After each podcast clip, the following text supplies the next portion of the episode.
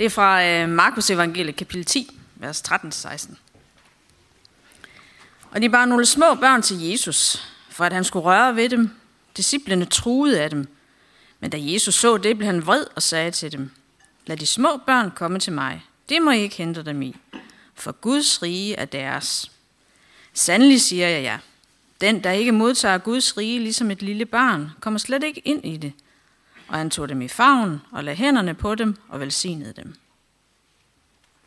Og prædiketeksten til i dag er fra det gamle testamente, fra salmernes bog, salme, altså hele salme 8, om øh, Guds skaberværk og menneskets plads i det. Øhm, og det lyder sådan her. For korlederen al hagitit salme af David. Herre, hvor herre, hvor herligt er dit navn over hele jorden. Du som har bredt din pragt ud på himlen, af børns og spædes mund har du grundlagt et værn mod dine modstandere, for at stanse fjender og hævngærige. Når jeg ser din himmel, dine fingers værk, månen og stjernerne, som du satte der, hvad er da et menneske, at du husker på det? Et menneskebarn, at du tager dig af det? Du har gjort det kun lidt ringere end Gud, med herlighed og ære har du kronet det. Du har gjort det til hersker over dine hænders værk. Alt har du lagt under dets fødder. For og okser i mængde, selv de vilde dyr, himlens fugle og havets fisk, dem som færdes af havenes stier. Herre, hvor herre, hvor herligt er dit navn over hele jorden. Det er øh, Guds ord til os i dag. Lad os øh, bede en kort bøn. Tak, Jesus, for muligheden for at udforske dit evige og sande ord. Lad os se mere af, hvem du er. Og øh, det samme beder vi for øh, i forhold til menighedens børn. Vil du tale til dem og lade dem blive rodfæstet i dit ord. Amen. Dronningen holdt sin sidste nytårstale nytårsaften, øhm, og det kom som lidt af en overraskelse for de fleste af os, selvom man måske har gået og bettet lidt på det en gang imellem, men man har, man har ikke rigtig troet på det. Hun gjorde det alligevel. Hun giver nu stafetten videre til sin søn, kronprins Frederik. Selvom øh, den her abdikation tog øh, sådan stort set al opmærksomheden og overskrifterne, så øh, synes jeg, det er værd at lægge mærke til et par andre ting i hendes tale. Øhm, og øh, jeg vil særligt tage to ting frem, som jeg blev mærke i. Det første, jeg vil drage frem, det var hendes stærke fokus på at sige tak. Hun kaldte det et dejligt ord både at sige og at høre. Øh, og det kan jeg skrive under på. Og øh, til os, som gerne vil være en taknemmelig kirke i mission her i bykirken, er det en god påmindelse. Hun sagde tak for opbakningen gennem 52 år. Og øh, vi kunne jo sige det samme ord til hende. Tak for mange års tro tjeneste. Og øhm, tak for at passe på Danmark. Og som kirke kunne vi sige dronningen tak for at tale åbent om sin tro på Gud, for det har hun virkelig gjort ved flere lejligheder. Vi kunne sige tak til hende for hendes trofaste kirkegang, for der har hun været et forbillede en anden ting, som øh, dronningen sagde i sin nyårstale, øh, har særlig relevans øh, for os i dag i forhold til den prædiken, øh, det prædiken skal handle om. Nemlig, hvad er et menneske? Hun kom ind på den teknologiske udvikling, som sådan har været de sidste øh, mange år. Og så sagde hun, kunstig intelligens efterlader os med et helt grundlæggende spørgsmål. Hvad er det, der gør os mennesker til noget ganske særligt? Og hun gav os et, øh, et bud på et svar. Hun sagde, vi mennesker, vi har håb og nysgerrighed. Vi har indlevelse og kreativitet. Vi har evnen til at skabe og til at tænke selv. Det er en flot hyldest, vores dronning har til det at være menneske, som løfter os op og som gør os til noget særligt. Lige i ånden med den bibeltekst, vi har læst i dag. Så lad os bruge det som øh, afsæt til at se nærmere på, hvad salme 8 og hvad Bibelen siger om menneskets plads i universet. For på den ene side, så tales der i Bibelen om mennesket som syndigt, fortabt, uden Gud og ude af stand til at gøre godt. På den anden side taler Bibelen som, som i salme 8 om mennesket som kronen på Guds skaberværk. Kun lidt ringere end Gud, står der. Det rummer altså en spænding, en konflikt. På samme tid er vi fortabte og kronen på værket. Så hvordan skal vi forstå den her spænding?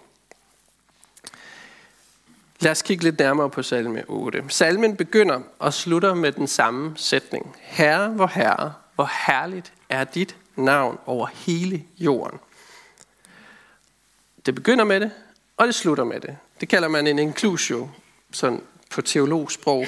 Øhm, eller man kunne sige på almindeligt sprog, en ramme. En ramme, der siger, hvad er det, der er det aller, aller vigtigste i denne her tekst. Og det er, at Gud er over alt andet. At han er vores herre. Han er altings herre, fordi han er altings skaber. Hans navn er herligt. Ikke bare et sted, men alle steder. Over hele jorden. Og han har bredt sin pragt ud over himlen, står der. Jeg tror, vi skal se os selv stå og kigge på stjernerne en frostklar nat, på en frostklar natte, nattehimmel. Og betages af himlens og mælkevejens og galaksernes og universets storhed. Det er det, som Guds ord minder os om i dag. Når jeg ser din himmel, dine fingers værk, månen og stjernerne, som du satte der, hvad er da et menneske? Det er næsten ikke til at fatte. Vi er så små, bitte, ubetydelige i sammenligning med Guds store værker. Og når vi står der og kigger, så kan det både betage, og det kan også isne lidt ned af ryggen. For hvem er jeg i sammenligning med dette store skaberværk? Så på den ene side er Gud den største. Vi kan ikke, og vi, vi kan ikke være og vil aldrig blive Gud. Vi skal ikke prøve at være Gud. Vi skal ikke selv prøve at skabe en Gud. Gud er der allerede. Vi er heller ikke verdens centrum. Nej, det er Gud. Samtidig, og det er så vigtigt, så er Gud passioneret optaget af at have en relation med os. Vi har fået en ære og en værdighed givet, som gør os anderledes end for eksempel dyr. Vi har fået en intelligens, en vilje, en nysgerrighed og en kreativitet givet, som, sådan som dronningen også nævner det, som gør os til noget helt særligt, noget unikt i skaberværket. Og årsagen til det, det er, at vi er skabt i Guds billede. Til at ligne ham, uden at være ham. Vi er skabt kun lidt ringere end Gud, står der. Til at herske over dine hænders værk. Vi er givet magt og myndighed, men også ansvar og pligt. Det er grundlaget for det kristne menneskesyn. At mennesket er anderledes end alle andre skabninger. Blandt andet ved, at vi kan stilles til ansvar. Der forventes noget af os. Vi kan opføre os værdigt eller uværdigt. Vi kan elske, men vi kan også fyldes af sorg. Vi kan skabe, men vi kan også ødelægge igen. Dronningen fremhævede, at vi er kreative væsener. Og mennesket er ganske rigtigt et kreativt væsen. Men det er på både godt og ondt. Vi finder på kreative måder at ære, at elske og vise omsorg. Det er kreativitet med positivt foretegn. Men vi finder også på kreative måder at herske over andre, at ødelægge naturen og ødelægge livet på. Det er kreativitet med negativt foretegn. Og hvis vi ignorerer den negative side af kreativiteten, så bedrager vi os selv. Så kan vi nemt få et alt for positivt og optimistisk syn på mennesket. Som om det ikke også rummer et problem at være menneske. Nemlig syndens problem. Det kristne menneskesyn tager denne menneskelige tilbøjelighed alvorligt. Vi rummer begge dele. Både at være skabt i Guds billede, kun lidt ringere end Gud, og at være tilbøjelig til ondskab og synd. Vi er mennesker på godt og ondt.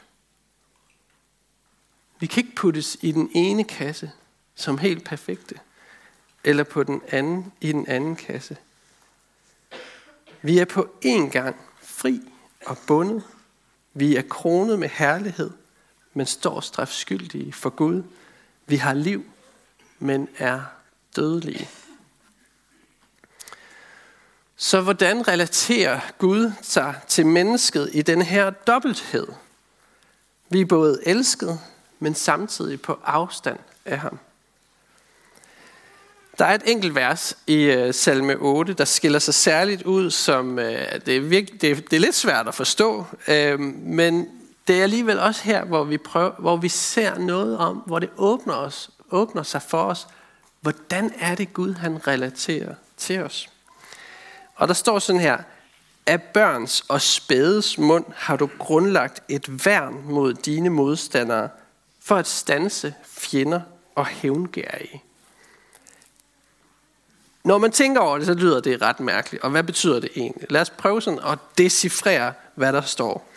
Der står, at fra babyers lyde fra munden, altså det kunne være pludren, eller det kunne være gråd, der har du bygget en fæstningsværk imod ondskab, fjender og hævn. Så fra babyers lyde fra munden har du bygget en fæstning mod ondskab, fjender og hævn. Det kræver vist lidt en forklaring. Børn. Børn de er som udgangspunkt to ting. De er hjælpeløse, og de er tillidsfulde. De kan ikke klare sig selv, og de vil dø uden hjælp. Men de har fuldstændig tillid til, at de nok skal få den hjælp, de har brug for. Er det ikke mærkeligt? Er det ikke mærkeligt, at hjælpeløse har den tillid? Burde små babyer ikke være lidt bekymrede for, om der er nogen derude til at tage sig af dem? Burde de ikke føle sig skyldige over deres passive indstilling til livet? De gør jo ikke noget. Burde små babyer ikke tvivle en lille smule på, om de er elsket? Det mærkelige er, at det gør de ikke. De er på samme tid fuldstændig hjælpeløse og fuldstændig tillidsfulde. Og det er derfor, Jesus fremhæver dem som gode eksempler på, hvordan Gud relaterer til mennesket. For i forhold til Gud er vi også hjælpeløse. Og det eneste Gud ønsker er tillid. Tillid til, at han sørger for os. Tillid til, at han ikke tilregner os vores uretfærdighed. tillid til, at han elsker os og vil være sammen med os. For han er den hjælpeløses Gud. Det er det hele evangeliet handler om. Det var derfor, Jesus selv blev hjælpeløs for at frelse os. Og han gik ind i magtesløsheden ved at dø på et kors, hånet og forladt. Det eneste værn, vi har imod griskhed og vold, er den umiddelbare, barnlige tillid til Jesus. Og derfor er det så fantastisk den her søndag, hvordan salme 8 sættes op side om side med teksten om de små børn, der kommer til Jesus. Disciplerne, de vil fastholde vores sådan naturlige tilbøjelighed til at tænke, at hvis man vil være sammen med Gud, så må man øh, så kan man kun komme til Gud, hvis man er klog, eller hvis man er stærk, eller hvis man er dygtig, eller hvis man har de rette evner, eller hvis man er voksen, eller hvis man kan tale ordentligt. Men Jesus han skælder disciplene ud og siger, sådan er det ikke. Det er ikke sådan Gud han relaterer til mennesket. Og ikke nok med det. Han fremhæver lige fra de små børn som forbilleder i tillid og tro. Han siger, at Guds rige netop er for sådan nogen som dem. Ligesom salme 8 siger på sådan en lidt kryptiske måde. Jeg ville ønske, at vi kunne gribe det her budskab noget mere. At vi kunne forstå og tro det noget mere. At det virkelig er sådan, Gud ønsker, at vi skal komme til ham. Hvad ønsker Gud af os? Vores fine ord, vores gode gerninger eller vores klogskab? Nej. Han længes mest efter at høre vores pludren, og at vi kommer til ham med vores gråd. Ligesom små børn gør til deres forældre. For Gud er vores barn. Nej, for Gud er vores far, og vi er hans børn. Og han har kronet os med herlighed og ære. Vi er kun lidt ringere end Gud. Og han er passioneret optaget af at få en levende relation med dig og mig. Lad os bede sammen. Vi takker dig, Jesus, fordi de små børn må komme til dig. Lad os ikke opføre os som dine disciple og stille krav til at nå hen til dig, eller forhindre andre i at nå hen til dig, eller selv tage din plads på tronen. Vi bøjer os for dig som vores Herre og Frelser, og vi takker dig for frelsen ved troen på dig. Vi takker dig for menigheden her, og vi beder dig om at styrke os i indbyrdes kærlighed. Udrust os med de nådegaver, der er brug for til fælles gavn og opbyggelse. Og lær os at række ud over vores egne behov. Vi beder dig for menighedens børn. Både de fødte og de ufødte. Vi beder, dem om, vi beder dig om, at de må komme tæt på dig. Helt tæt på dig. Og mærke din kærlighed og omsorg. Beskyt du dem og lad dem få lov til at vokse op i troen på dig. Vi beder dig for menighedens konfirmander og for de unge, for deres liv og vækst i troen. Må troen på dig vokse i deres hjerter. Vi beder dig for ægteskabet og dem, der lever alene. Giv os din kraft til at leve efter din vilje. Vi beder for Skjern by og omegn, at du, Jesus, må blive kendt, troet, elsket og efterfulgt. Så beder vi dig også for menighedens nye åndelige vejleder, Sprint Korsholm Poulsen, at du må styrke ham i hans tjeneste og holde både ham og os alle fast på Bibelens grund. Vi beder dig om, at du vil være nær hos alle, der er ramt af sorg, sygdom og lidelse. Giv os mod til at være til stede og visdom til at lindre smerten hos hinanden. Hør os, når vi i stillhed hver især beder for en, vi kender.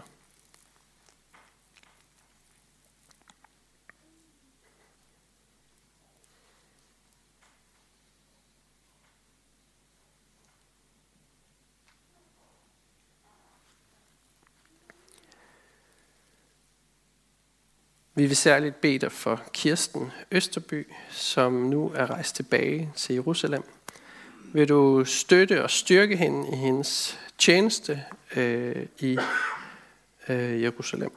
Jeg vil bede dig for Daniel Amitsbøl Jensen i Asiat i Grønland. Vil du også øh, styrke ham, øh, give ham øh, et glimt af lys igennem dig deroppe, og lad ham få lov til at sprede lyset øh, på Grønland. Vi lægger det nye år i dine hænder og beder om fred i Jerusalem og fred til verdens ende. Vi beder for din kirke i verdens brandpunkter. Må kristne lyse op i verdens konfliktzoner og sprede dit lys i mørket. Vi beder for vores folk og for alle, der er blevet betroet magt og autoritet. Hjælp dem og os til at værne hinanden mod uret og vold og kom så snart og gør alting nyt. Amen.